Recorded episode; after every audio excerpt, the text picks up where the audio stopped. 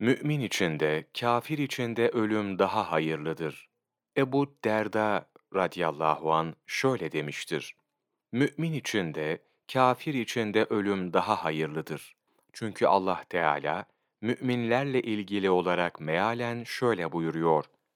Allah Celle Celaluhu katında olan nimetler, müttakiler için daha hayırlıdır.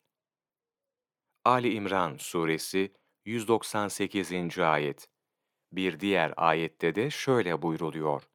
O küfredenler, kendilerine zaman ve meydan vermemizi nefisleri için zinhar hayırlı sanmasınlar.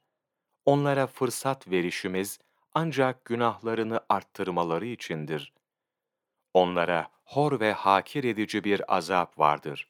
Ali İmran Suresi 178. Ayet Süfyan es-Sevri rahmetullahi aleyh anlatıyor. Vallahi ben yetiştiğim şeyhlerimizin ölümü temenni ettiklerini görüyordum. Kendilerinin bu durumlarını şaşkınlıkla karşılıyordum.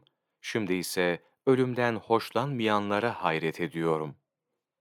Abdullah bin Mesud radıyallahu an şöyle demiştir. Dünyanın safası gitti, sıkıntıları kaldı. Bugün ölüm her Müslüman için bir armağandır. Ömer bin Abdülaziz radıyallahu an şöyle demiştir. Ölüm acılarımın hafifletilmesini istemem. Çünkü müminin sayesinde en son olarak sevap kazanacağı şey ölümdür.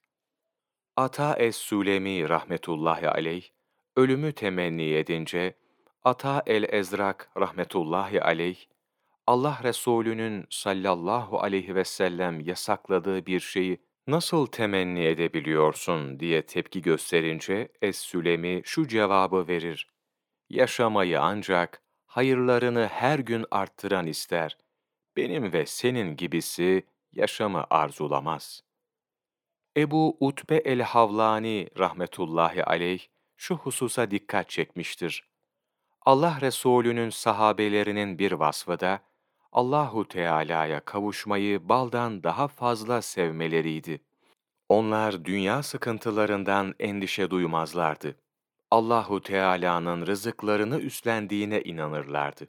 Sizden birinizin yaşamayı istediğinden çok daha fazla ölümü isterlerdi.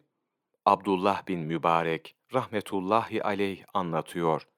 Bir keresinde Sehl et Tüsteri rahmetullahi aleyhe Sehl, yarın ölmek ister misin diye sordum.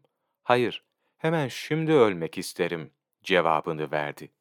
İmam Şarani, Selefi Salihinin Evliyaullah'ın yüce ahlakı, hikmetli sözleri, sayfa 66-67, 24 Nisan Mevlana takvimi.